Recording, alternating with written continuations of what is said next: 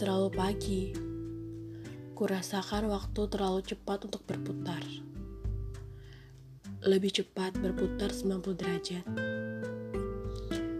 Kukepang rambutku yang terurai panjang.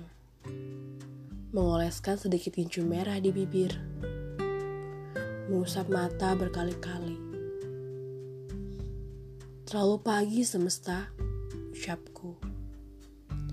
Dan terlalu menusuk dinginnya udara di luar.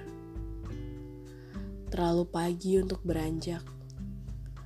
Berada di antara ribuan manusia baru di tempat antah berantah yang tak ku kenal siapa pun.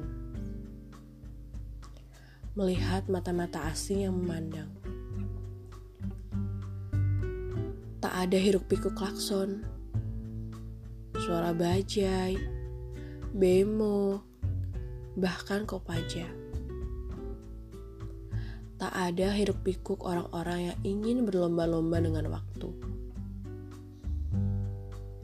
ada langkah-langkah orang yang saling beradu.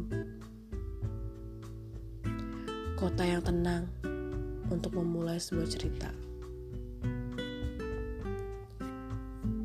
Pagi itu, ada seorang laki-laki yang tak henti-hentinya menguap. Berkantong mata hitam, kulitnya putih kecoklatan, badannya kurus kering Rambutnya tak terlalu pendek, terbilang sedikit gondrong. Kutebak, dia bukan berasal dari kota ini. Tersenyum simpul melihat seorang anak perempuan yang sedang terpanggang matahari. Perempuan berkulit coklat sawo matang dengan memiliki kedua bola mata yang tajam. Tak terlalu besar ukurannya.